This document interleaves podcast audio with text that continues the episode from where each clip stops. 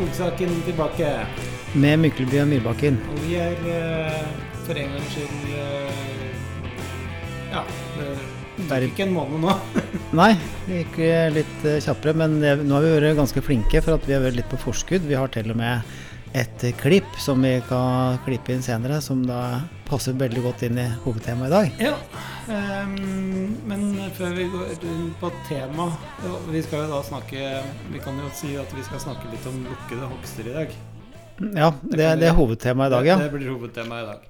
Men eh, vi må jo ta en liten sånn eh, update på hva vi har drevet med siden sist, da. Ja, og Jeg vet, jeg vet at du har kløvd ved. Ja, men for å snakke om eh, en update, så må vi spørre hvordan har du det, Tollef, i Jeg dag? har det veldig bra. I disse koronatider som Jeg tror det går bra. Altså. Ja. Eh, Nei da. Vi ser vel lyset nå. Ja da. Mm. Nei, eh, skoglig, forskelig sett så mm, man går og tenker på ting hele tida. Og du har sådd, og det vet vi jo alle. Altså Hele Norge vet jo at du har sådd nå. Alle som er interessert i skogbruk, vet det nå. Ja. Men det er ikke hele Norge som vet at jeg har plante sjøl. Sammen med, med svært kompetente folk fra Evenstad. Ja. Høgskolelektor Magnar Hersadalen med å plante, og hans datter og min datter. Oi, så Vi har hatt eh, koselige dager i skogen. Hvor mange planter fikk du, fikk du ut, da? Eh, vi har plantet 5500 så langt cirka. Vi har hatt 1500. Ja. Planter litt til. Ja. Litt sånn her og der. Du gjør det nøye, tipper jeg. Ja. Og så litt bekymringen eh, rundt eh, Det har jo ikke regnet på 14 dager, og at det er en relativt tørr skråning, for å si det sånn. Mm. Så, men jeg tror det går ganske greit. Og så var jeg ute i går på en sånn eh, feltbefaring, nå etterkontroll av en kraftlinetrasé. kraftlinjetrasé. Og det har altså ikke regnet på 14 dager, og jeg gikk ut i skogen med joggesko, bukse og T-skjorte. Mm. Og telefon og det utstyret jeg trengte. Og så begynte det å regne. Oh, ja. Så kliss glass. Ja. Men det var bare deilig, egentlig. ja, det var veldig bra. Um, Med tanke på hvor godt det gjør. Om ikke det gjorde det godt for meg akkurat da, så gjorde det godt for naturen. Veldig bra. Vi hadde jo um, forrige episoden vår, da var vi ute med Trygve Øvergaard fra Skogkurs. Ja. Og da snakket vi jo litt om såing. Ja. Og um, eh, jeg har ikke vært der siden vi var der Eller siden den helgen hvor jeg sådde, da. Mm, nei. Så Hva har du drevet med i mellomtida, da? Nei, jeg har jo sådd, da. Og så har du sittet og ventet vent, vente på. Ja. Eh, Jeg har i hvert fall sådd ferdig. Ja. Det feltet vi var på. Mm. Um, og så var det jo da Det her var jo da i slutten av mai, og det var ganske kjølig og mye regn. Mm. Og så plutselig kom sommeren, og det ble 25 varmegrader og stekende sol. ja.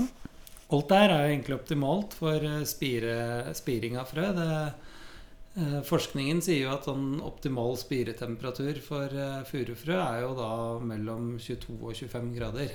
Mm. Og det har det vært. Eh, Men det er klart, de frøene her de ligger jo rett på markbredningsflekken. Overgang humus, mineraljord. Mm. Og det blir jo godt og varmt og rimelig tørt på en furumå. Mm. Og det har jo ikke regnet på to uker cirka med den varmen. Så nå begynte jeg å bite litt negler. Men i går, da Da kom det sånn perfekte regnbyger, i hvert fall der. Mm. Og det I løpet av kvelden i går, ettermiddagen kvelden i går, så kom det vel til sammen en ja, 12 millimeter. Mhm. Sånn veldig jevnt fordelt. Så dro jeg opp på det feltet for å sjekke, og la ut en liten videosnutt på Facebook-sida vår. Og det har da begynt å spire allerede. Og det er jo tre uker. Så det som er fint med såing, er hvis du får sådd tidlig, da kan du egentlig kontrollere hvordan resultatet er nå. Og hvis det hadde vist seg at det her hadde tørket og svidd bort fullstendig, så er det fortsatt mulig å så mm. nå. Og sånn i etterpåklokskapens lys, det er jo det der med forsommertørke, i hvert fall her i Østerdalen, eller Østlandet. Mm.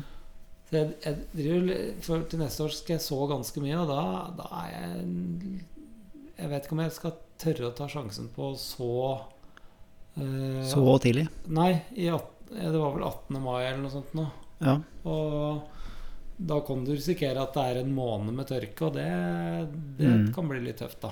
ja, for sjøl om de har nok råme fra starten, altså når snøen har smeltet, så er det ikke sikkert de små plantene Nei, altså det- Spirene tåler det. Frøene går det bra med så lenge de får varmen, men, Ja, altså, men- den frøspira bruker jo da næringen fra frøet mm, til å begynne med, så du mm, trenger ikke noe vann der og da. Nei, Men når pla planten begynner å etablere seg, da må de ha vann. da er det kapillærkraften eh, kraften på røttene som Ja. eh, må ha vann. Altså da, da, det er ikke mye som skal til, men eh, Men hvis det er helt tørt, så kan de jo ligge der og det skjer ingenting før det blir regn. Nei, det er sant. Så hvis det er sånn Ja. eh, tre uker uten noen ting, og det er helt Ja. tørt, så kan de jo faktisk så likevel. Da, da kan du det. Men det er vanskelig å time Det da. er akkurat når det begynner å spire en uke Mm. etter det, da, da trengs det regn. Mm. Og det kom nå. Ja. Ja. Så, men det her var jo bare et knøttlite felt, da. Så det, Ja. Det var bare, det er var bare, gøy to, var bare 200 mål. Nei. Nei da, det var Nei, jeg husker ikke hvor stort Nei, det var. ti mål kanskje? 10 mål, kanskje. Ja. Noe rundt der. Men uh, det er jo skikkelig ordentlig gøy, altså. Og så har jeg plan Der hvor vi, vi, vi gikk jo på randonee-ski i vinter, du og jeg, Mm. ned eh, sånn li. Mm. Og der har jo jeg hatt sånn lukket hogst. Mm. Det er Som riktig, det har du. om i dag, husker Ja, du? og da er det noen sånne småflater innimellom. De er jo ikke store, de er jo kanskje et halvt mål. Mm. Hvor jeg da har liksom tenkt at jeg skal plante litt furu. Vi diskuterte det. Ja. Du var litt skeptisk, men kanskje på de mest lysåpne stedene så ga Mm. du go. ja, Men der har jeg vært, da, og plantet eh, Der jeg Ja. plantet litt furu. Ja, riktig. Det har jeg gjort nå. Mm. Det gleder jeg meg til å følge med på. Ja. Ja, akkurat det er litt eh, spennende. og Det er mulig at det finnes mer erfaring på det, men jeg gjorde litt det samme i fjor. Å supplerte med furu, for i og med at furu har vokst ganske raskt i starten. Så kan det nå at sjøl om foryngelsen har kommet litt langt. Og så har jeg vært, men det var i fjor vår. Jeg har sett på det nå, og så Jeg finner ikke at uh, altfor mange, og, og de at da, de har blitt kløpt i toppen, mange av dem. Uh, så dere lurer på hva det er for noe. Om det er rådyr som har gått der, eller om det er en hare, eller hva det er for noe. I hvert fall flere som er litt ødelagte, da. Så det skal jeg rett og slett følge litt med på. Og mm, hva ja, hvor vellykket det er da, å drive og uh, ta i når det, når det kommer litt for langt, vel å merke. Det virker som det har noe med det å gjøre. ja. Pluss at det er ikke like lett å finne igjen heller, da, på sånne, sånne små planter når du leter. Det som er litt artig, det er eh, at Eller artig Jeg har lagt merke til at tiuren har eh, vært eh, eh, Skogsfuglen har drevet Ja. og klippet. eh, Ja, akkurat. Ja, kanskje det er det òg. Og en liten kuriositet, da. Der hvor jeg hadde den derre lukkede hogsten Det er vel tre år siden, kanskje. Mm. Eh, der var det ganske tett skog. Mm. Eh, men eh, som egnet seg for uh, lukket hogst og var skiktet og Ja, i det hele tatt. Mm. Men det, det har jo blitt mye mer åpent der nå. Men uh, jeg fant veldig mye sånn spillmøkk etter eh, tiur. Ja. Og det har jeg aldri sett der før. Nei. Så Åssen ser spillmøkka ut, da? Nei, den, er, den er litt sånn lys i tuppen, for å si det sånn. En enden, ja. Ja, en enden. Mm. Hvit, nesten. Kritt. Krittaktig. Ja, det var mye av den. Ja. Så tiuren er tydeligvis liker, liker det der, da. Ja. Den skal tydeligvis ikke ha for tett skog. Nei. Så da Viktig. Ja. Men da, altså grunnen til at eh, vi har lukket hogster Vi var jo litt forut eh, for vår tid eh, på en måte, i og med at vi snakker med en Trygve Øvergård mm. for tre uker siden, som vi har et klipp av. Mm. Og nå på Dagsrevyen, faktisk, for to dager siden, Mm. så var det jo nettopp om lukkede hogster. Ja, jeg har sett det. det har Og i Norge hvor Ja, helt kort eh, Ja, nå, nå skal det hogges mye. Tømmerpris er bra, så man tenker at det skal hogges mye. Og at det, det blir liksom store, åpne områder, i, spesielt i bynære turområder. mm. Eh, mange ønsker seg lukkede hogster, som gir et finere skogbilde. Og ca. 5% av hogst i Norge er lukkede hogster, ifølge den kilden. da, Jeg tror nok personlig tror jeg faktisk er litt mer, hvis du tar med fjellskoghogst. Ja, 5 hørtes veldig lite ut. Men, eh, men eh, miljø- eh, eller biologorganisasjonen Sabima da, de mener at det bør være oppe i en 20-25 lukkede hogster i Norge. Og, eh, og det kan du si, og, og jeg er glad i lukkede hogster, og det, det er du òg, kanskje spesielt når du går på elgjakt, muligens. Um, og jeg tror faktisk at um, andelen lukkede hogster kan økes, men lukkede hogster er, er ganske komplisert. Og hva er formålet med det? Hvis du skal tenke bare økonomi, så så taper nok lukkede hogster i stor grad. Eh, Skal du ta andre hensyn, så kan det nok være mer egnet for lukkede hogster. Pluss at det er mer krevende, det er mer risikofylt på mange vis. Både i forhold til produksjon og foryngelse og stormfellinger.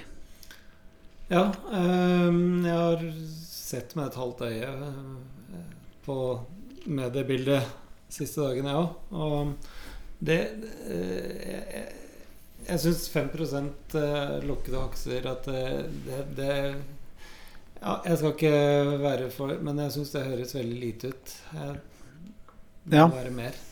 Men um, Ja, vi kan jo bry, bryte det ned på egne eiendommer, da. Altså hvis jeg skal tippe det som er lukkede okser hos meg eh, Og hva er en lukket okst? Det er også et uh, Ja definisjonsspørsmål. Men altså, den uh, type fjellskoghogst som du hadde oppunder Ja.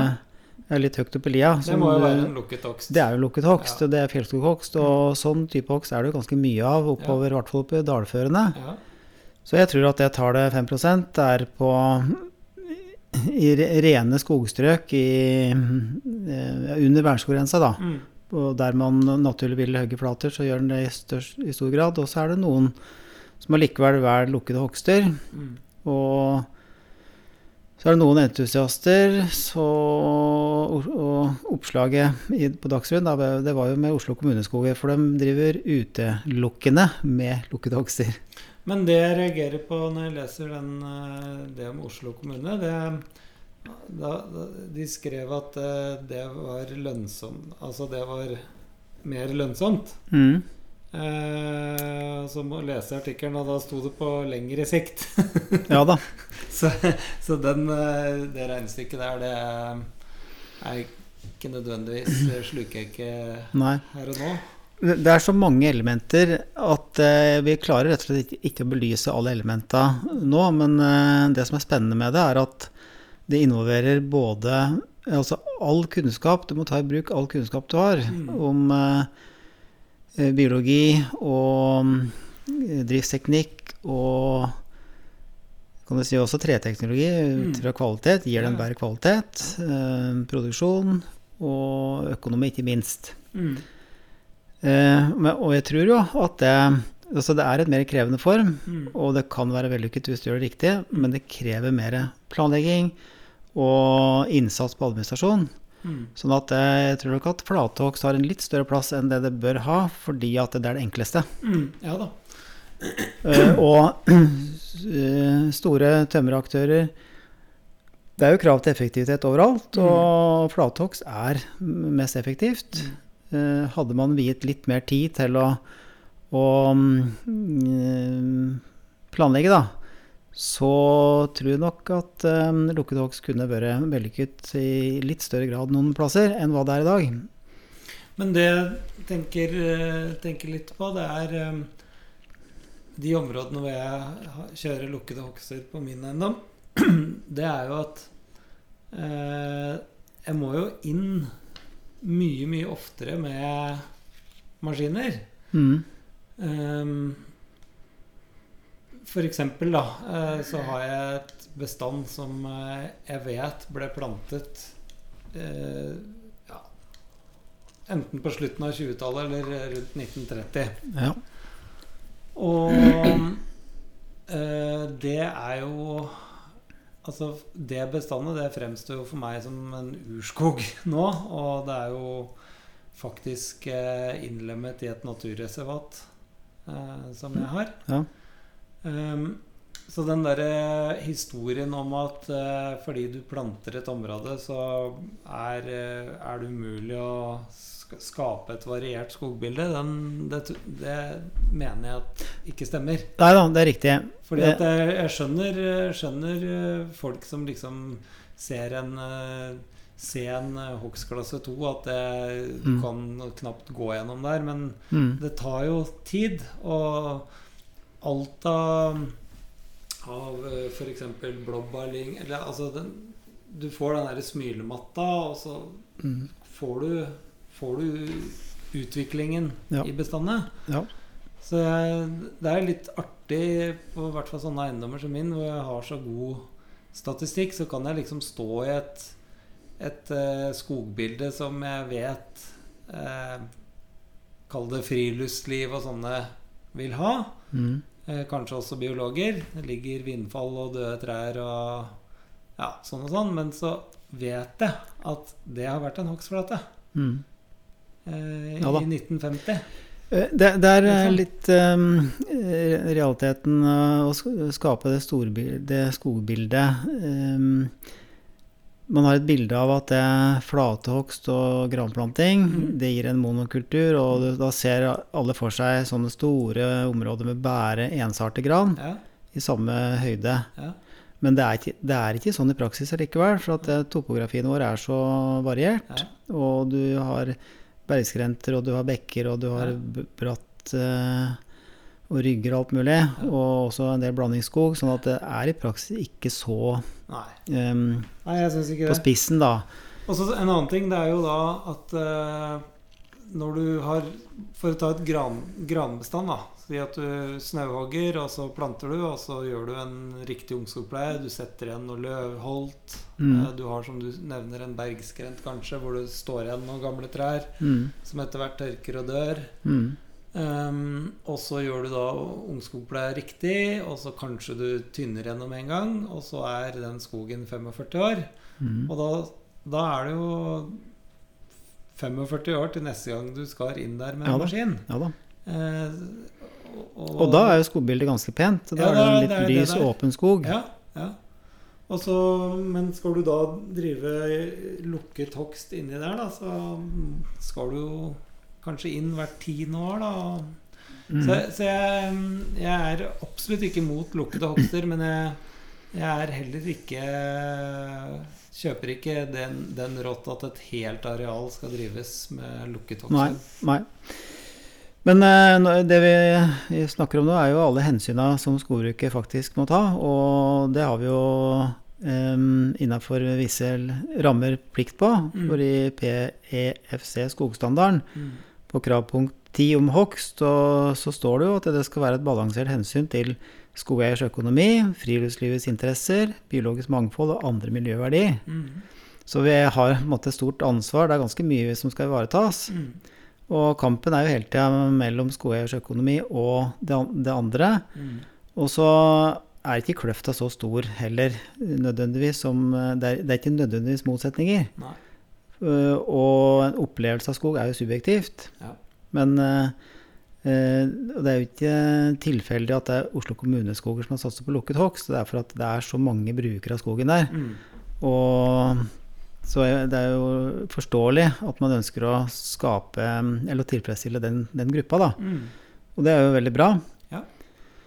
Eh, men eh, må igjen pres Men, jeg, men jeg, presisere jeg, jeg, altså jeg blir skeptisk når det blir frem, fremsatt som om at det er det som er det lønnsomme. Altså når overskriften er at det er minst like lønnsomt. Ja. Den, det regnestykket skulle jeg gjerne sett. Jeg tror vi kan slå fast at eh, det, det nok ikke er like lønnsomt. Eh, Nei, det, altså, det er i er hvert fall mer risikofylt. Oslo kommuneskoger drives jo av Bymiljøetaten. Eh, Mm. Det er vel noen lønninger eh, i det systemet der òg. Ja da. Eh, Så- Hvor store er Oslo kommuneskoger? Er det Jeg vet ikke. 300 000 mål eller noe sånt? Vet ikke. I en, en, det er jo ikke så mange så, så, så svære skogeiendommer, da, men eh, eh, hvis du tar en eh, en stor eh, Hvis du tar en eiendom på 100 000 mål, da, du kan ikke ha fem ansatte som skal drive og administrere det.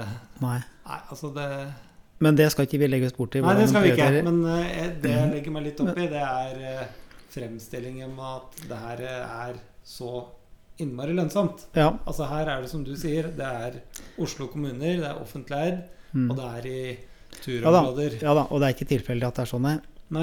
Og, men vi kan også si det med en viss tyngde, fordi at eh, også lukkede hogster er jo ikke nytt. For Nei, det første nei. så var det det man drev helt Ja. fram til uh, 1950. Ja. Eh, så det er masse kunnskap eh, på bakgrunn av det. Og i tillegg så har jo eh, Eller lukkede hogster fram til 1950, hvor du kan si det, men jeg vil vel heller kalle det Det var vel dimensjonshogster. Altså jeg vil i hvert fall ikke ha tilbake den skogen som var Nei, nei. i 1920. Nei, nettopp. Og derfor er det at det, altså, lukkede hogst er ikke lukket hogst. Det er, det er veldig mange varianter. Ja. Og, det, og, og Glommen da, for 20 år siden hadde jo et prosjekt på det, som vi skal høre om litt etterpå. ja. Hagner. Ja, ja Hagenerhogst. Og, og det går jo nettopp på det. Å, spisse, altså hente margina på det. fordi at det, det er ikke bare å si at lukket hogst er å plukke annethvert tre. For det, forskjellen i, i, i vellykkethet er så stor. Du må ha mye kunnskap Mm. for å få til det bra. Og, og så må du også bygge det på over tid, for det her dreier seg veldig mye om stabilitet. Og Tar du en ensartet gammel granskog og skal plukkehogge, Mm. med f.eks. skjermstilling, som var veldig populært på 90-tallet. Ja, takk, det har jeg prøvd. Ja, og min skogbruksplan på 90-tallet hadde jo eh, forslag om skjermstilingshogst i alle gamle granfelt, Ja. og det går ikke. Eh, du, må, du må bygge det opp over lang tid, og Mm. skogbruket er langsiktig. Mm. Eh, du har prøvd skjermstilling, Mm. Jeg har gjort det, og mange andre har gjort det. Og det ender med vindfall. Det, det, kan være billig risiko Mm. eh, med det. Og jobb med å gå og plukke opp igjen vindfallet, det er masse jobb. Mm.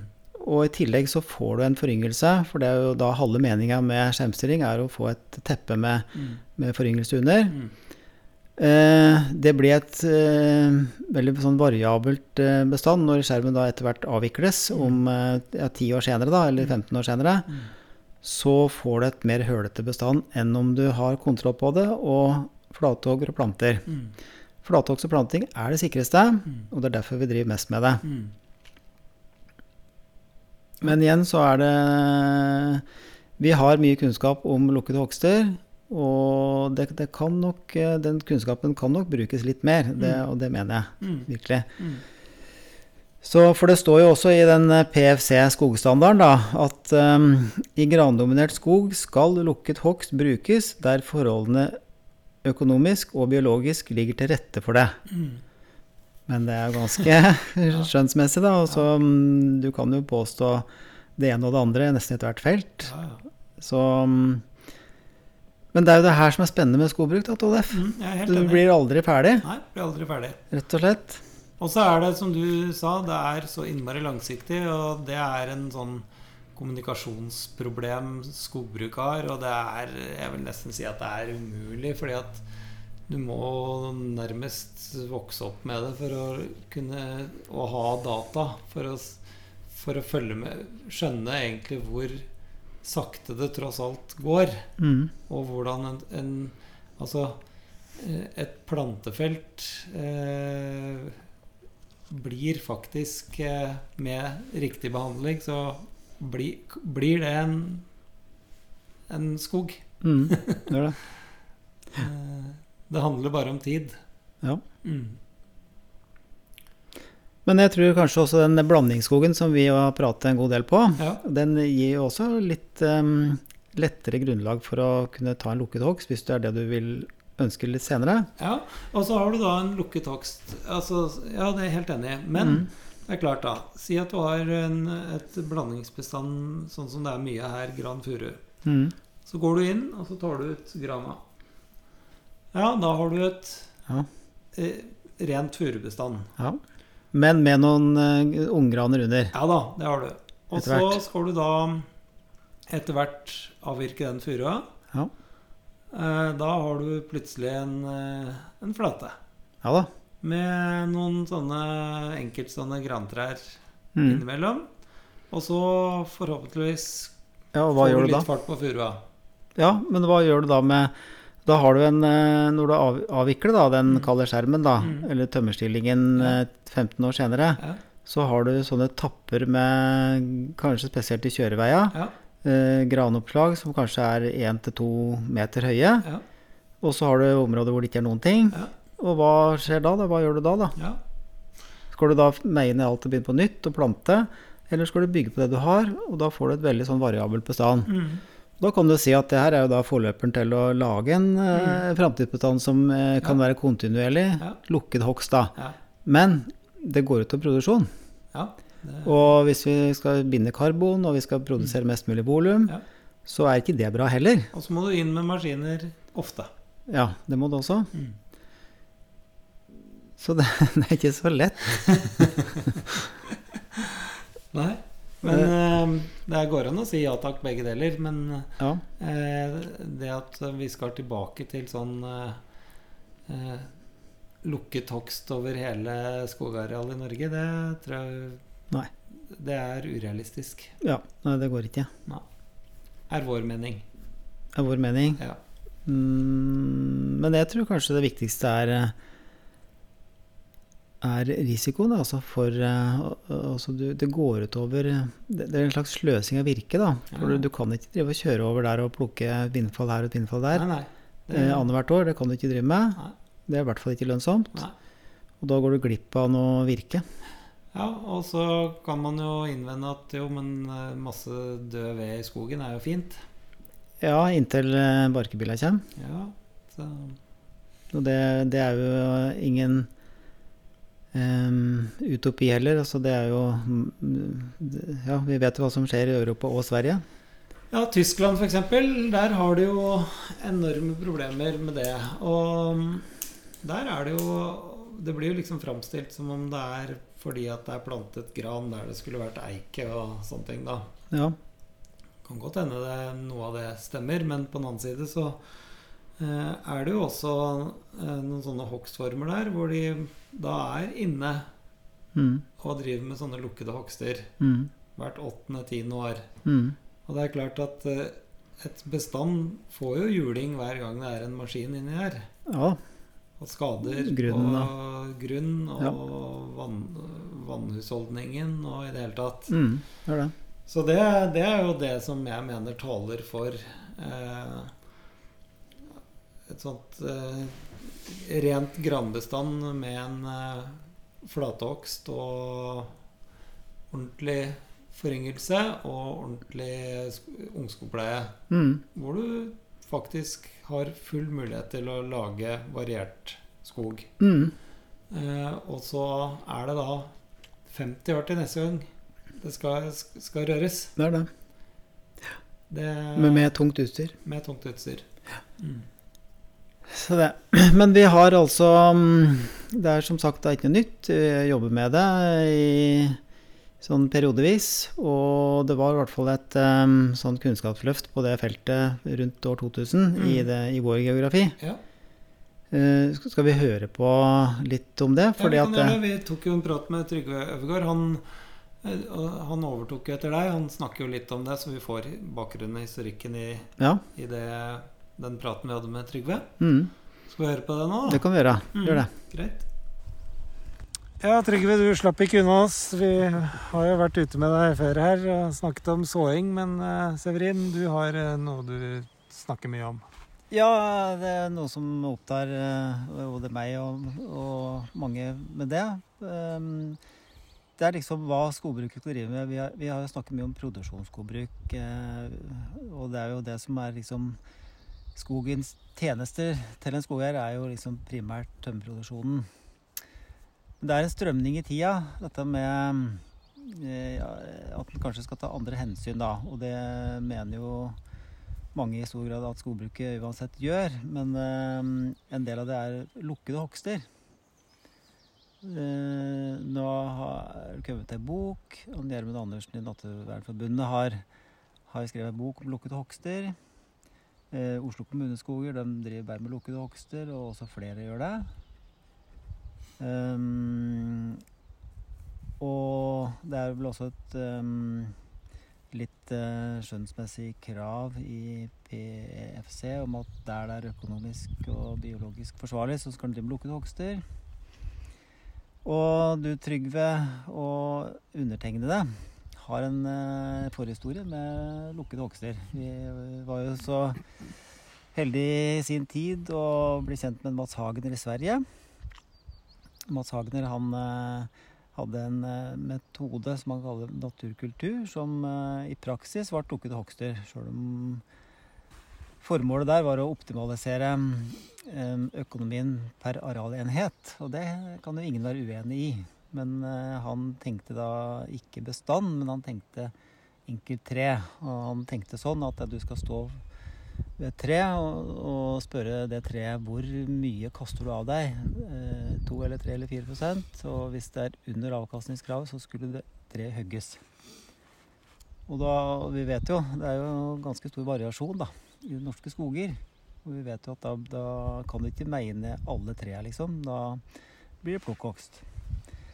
Så ble det et prosjekt eh, på det, som eh, Glommen, da, som det heter da, i rundt 2000. Eh, Lagde et prosjekt på mm, naturkultur. Vi hadde mye besøk og kontakt med Mats Hagner. Det ble lagt ut prøvefelter. Og mm, jeg var sånn helt i starten en slags prosjektleder for Glommens satsing på det. Men så overtok du, Trygve, og da da ble et prosjekt som gikk over noen år. Um, og det heter da noe annet, og det navnet du fant på da, det var det du som fant på. Ja. Det var Kontus. ja. Det var det. En slags eh, Kall det en eh, ja, det Kontinuitetsskogbruk var det vi kalte det egentlig. da. Og så forkorter vi ned til Kontus. Det er historier rundt det, men det kan vi ta senere. Eh, nei, jeg ble jo prosjektleder for det, og de som sto bak det prosjektet da, etter at du hadde lagt grunnlaget, det var jo den gang Glommen og den gang Mjøsen. Eh, pluss fylkesmannen i Hedmark var altså med. Hans Bjånes var jo en pådriver for å se på alternative hogstformer. Eh, så vi la ut eh, en god del prøvefelter, blant annet to ikke veldig langt unna her. Eh, litt sør for Deset. Eh, og vi hadde flere stand. Vi hadde oppe i Lesja på furu, for det var jo både furu og gran. Eh, Sjøl om det kanskje i utgangspunktet virker enklest å gjøre det gran, som er et skyggetårn og treslag, så prøvde vi altså på furu på et par felter i Nord-Østerdalen og Nord-Gudbrandsdalen. Eh, konklusjonen på det var vel at eh, økonomien sammenlignet med bestandsskogbruk er litt sånn eh, bob-bob. Eh, du må regne med at du får en produksjon som ligger eh, kanskje opp mot 80% og en produksjonstabell for bestandsskogbruket. Eh, og det vi på, pekte på i tillegg, da, eller fokuserte på, det var at vi skulle forynge den skogen naturlig. I de åpningene som ble da vi plukket ut de største trærne som var økonomisk hogstmodne. Mm.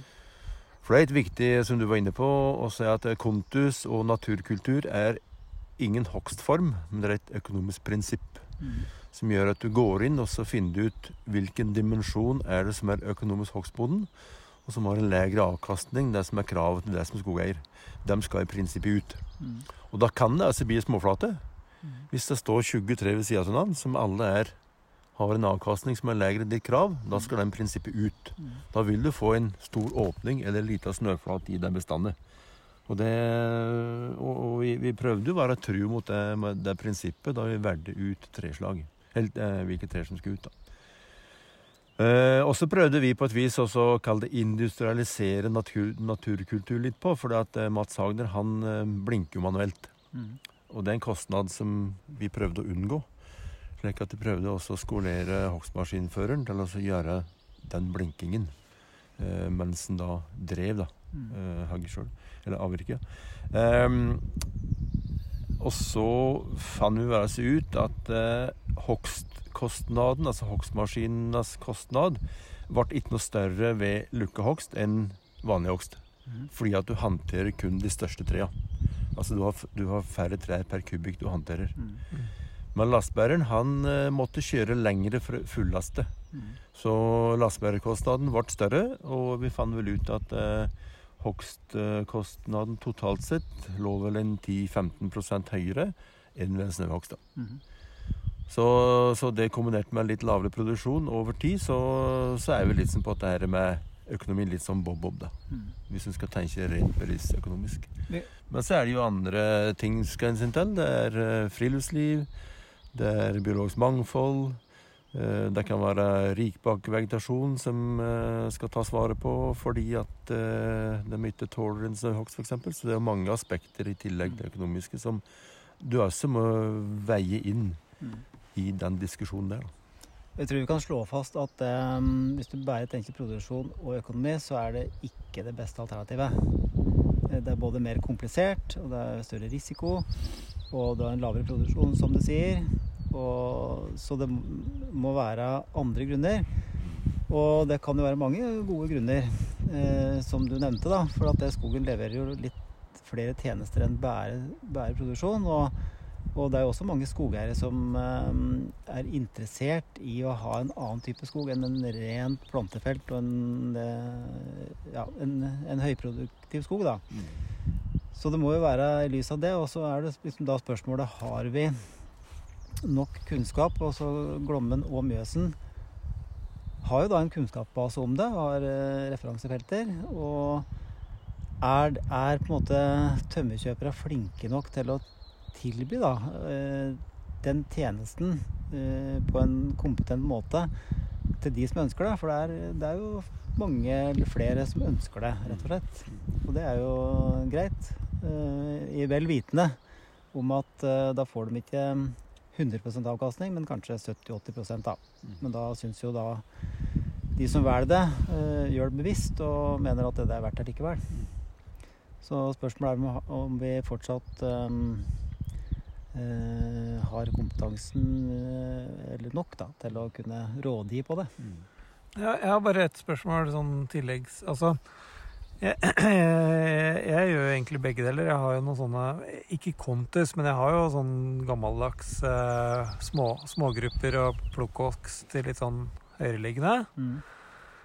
Ehm, men ehm, sånn som jeg forstår eh, naturkultur, da, eller plukkoks eller hva du skal kalle det, ehm, det er jo eh, Da må du jo inn litt oftere. Og det, da, jeg har liksom Hvis du hogger en flate på 25 mål, da, og som du, du planter, og så ungskogpleier du, og så kanskje tynner du så ligger jo det arealet urørt i 50 år før du skal inn igjen. Men hvis du skal drive i stor Mm. stil, da, så må du jo inn på det samme arealet ganske ofte. Ja da. Så jeg, for jeg ser jo særlig miljøsiden, de snakker om at nei, nå må vi legge om, her skal det kun være plukkhogst. Eh, Det er så flytende det begrepet for eh, det jeg ikke kjøper, det er den derre at vi skal gjøre som i gamle dager. Altså Jeg vil ikke ha igjen en sånn skog som det var her i 1920, for å si det slik. Eller i 1890, for den saks skyld. Altså Det var jo må ha sett helt jævlig ut. Mm. Men det, det var jo dimensjonsakst, altså. Og, men, men det jeg er litt redd for, er at du må Det blir mye mer eh, Trykket på arealet blir eh, større, da. Jeg vet ikke. Men, men da må vi virkelig ta fram eh, en, en person med vyer. Og han, Mads Hagner hadde jo det. Han, Ja. han var rett og slett en oppfinner. Ja, ja. Eh, og han ville hele tida utfordre det etablerte. Jeg tror han sa at han hadde patent på 50 forskjellige oppfinnelser. Alt fra sammenleggbare peiser til um, uh, Og hans kongstanke på akkurat det her, da. Ja. Um, ja, For først første så fant han opp den der, en sånn blinkeredskap som var ei stang og som du kunne stikke inn og spraye. Ja. Så du slapp å stikke huet inn i sånn skjørtegran hele tida.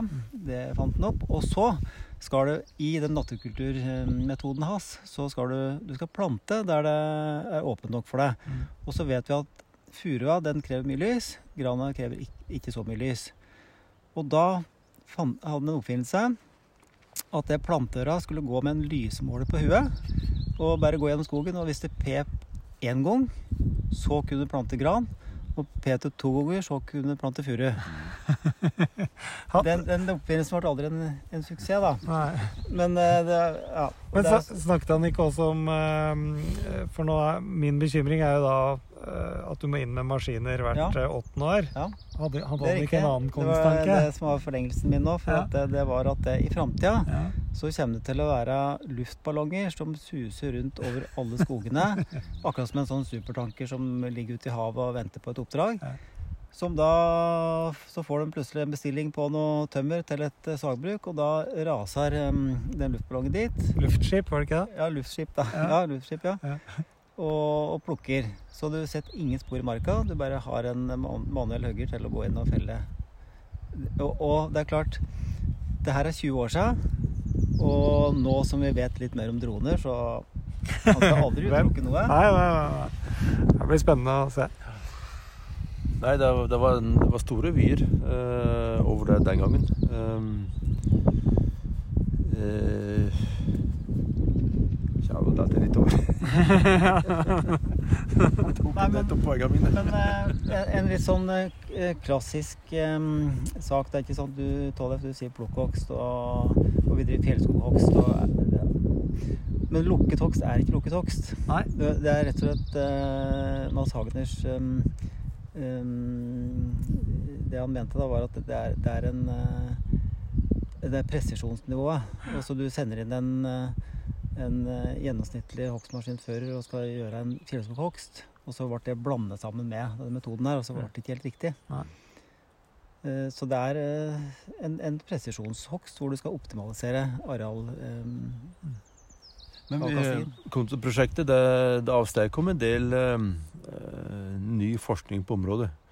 Eh, Nils Løksrud tok en doktorgrad på det ja, med, ja. med lukket hogst og fant ut en indeks for, som skulle være så oppfylt for at det var sannsynlig egne for lukket hogst, f.eks.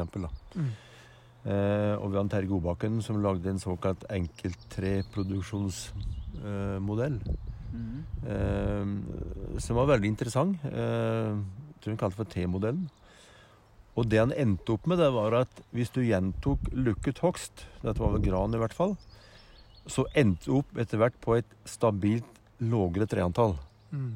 Eh, og som selvfølgelig er med da på at produksjonen detter litt. Men, men du, du kommer ned på et nivå, og så blir du liggende der.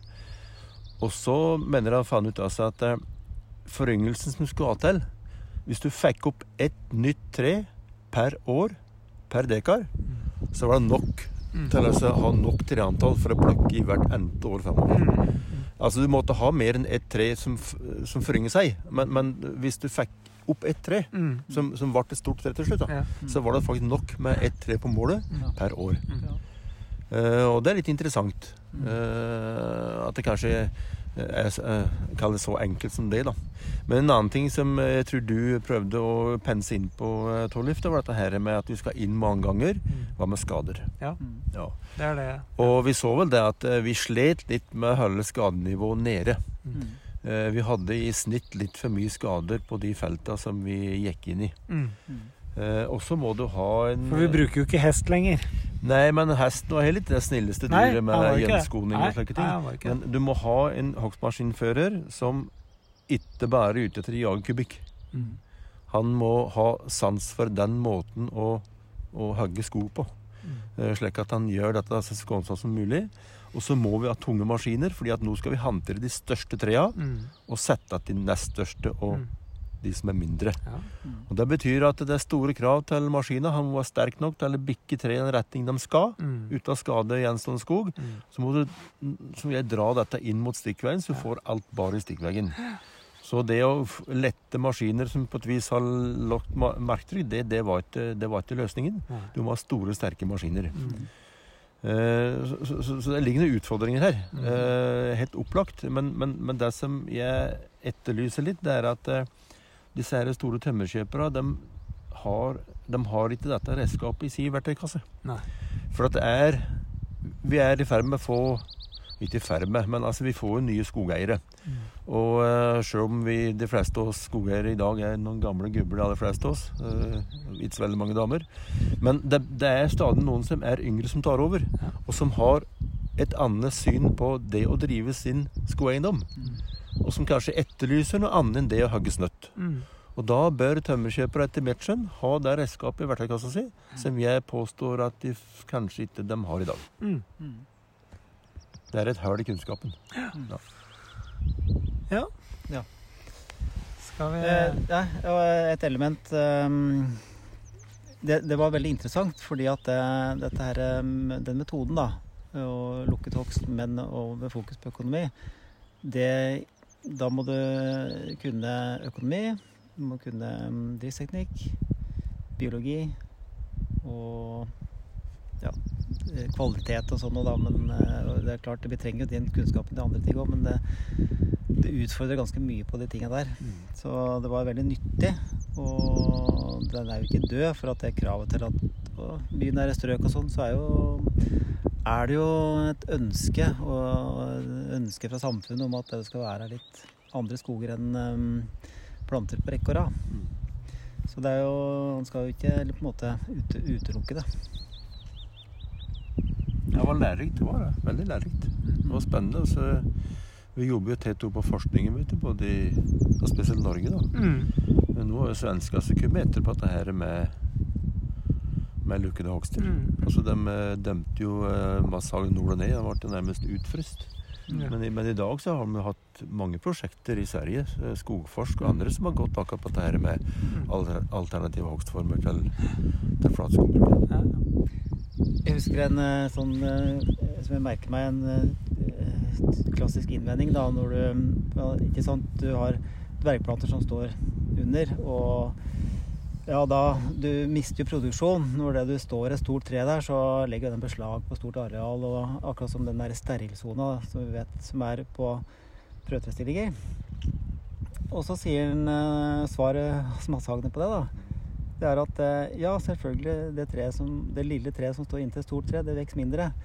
Fordi at ressursene ressursen blir brukt på det store treet. Og det er det store treet du skal høste først, og det er jo veldig fornuftig ressursbruk. Og, og så, når det store treet er borte, da kan det lille treet komme, og, for da får den brukt ressursen. Så det var veldig sånn besnærende argumentasjon han brukte, da. ja, ja. Mm. Ja, Ja, skal du da begynne med lukket Trondheim? jeg, jeg gjør alt, jeg. Jeg driver eh, Ja.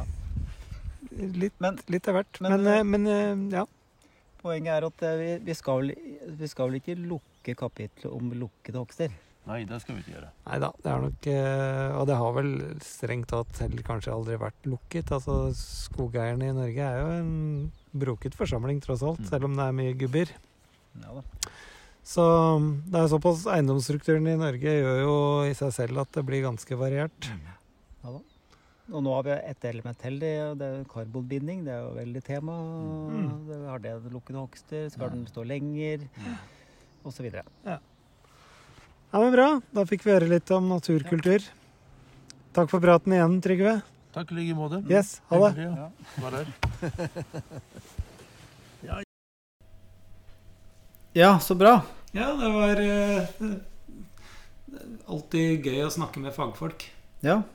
Det var jo noe av de samme poengene som gikk igjen, men uh, Jo, er men et budskap må eh. Ja, det må det. Eh, Så er det en, en ting til vi diskuterte diskutert den gangen.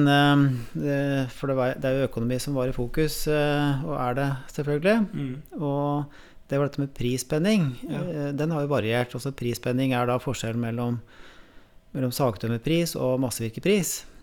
Eh, Og hvis den er ganske liten, så er det volumproduksjon som eh, er det viktigste, ikke sant. Mens eh, eh, Men nå så er det ganske stor prisspenning. Ja. Nå er det en sterk, nei, en sterk sagtømmerpris Mm.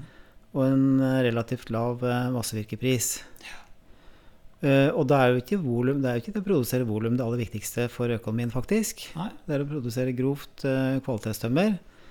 Og sånn sett så passer jo naturkulturmetoden bedre. Ja, men for tre år siden så var det jo ingen prisspenning omtrent. Nei, det er akkurat Da kokte de sagtømmer i Sverige. Det viser jo litt eh, kompleksiteten ved skogbruk òg, da. Ja. Eh, det som Det, den, altså det det viser, er vel at du kan ikke satse på én hest. Nei. Du må drive variert. Det må du, du må drive variert. eh, og Det er jo et eh, kjent økonomisk prinsipp. Og Mm. ikke, Diversifisering. ja, ja, det er det. Ja. Og, men noe av fordelen med skog er jo at du eh, Ja, prisbildet endrer seg, Mm. men skogen står der. Ja. Altså, du trenger ikke hogge den i år. Nei. Du kan vente i fem år, ja, faktisk. det kan du. Så Det er gøy. Det er skikkelig gøy. Ja. Men Tollef, Ja. jeg sitter her um, Nå sitter jo vi på det gamle disponentkontoret på Rena kartongfabrikk. ja, det gjør vi. Eh, og så sitter vi og ser på et bilde som kanskje er fra 60-tallet. Ja, det er eh, Bare for å beskrive det vi, Da vi shinet opp eh, gamle direktørmøterommet på Rena kartongfabrikk, så fant vi i kjelleren et eh, luftfoto, flyfoto, fra Widerøes flyveselskap. Og det er nok fra slutten av 50-tallet. Mm. Og det er eh, to ganger Nei, det er ja, to ganger 1,5 meter stort. Ja. Og det viser da Rena kartongfabrikk eh, og Rena sentrum og omkringliggende åser.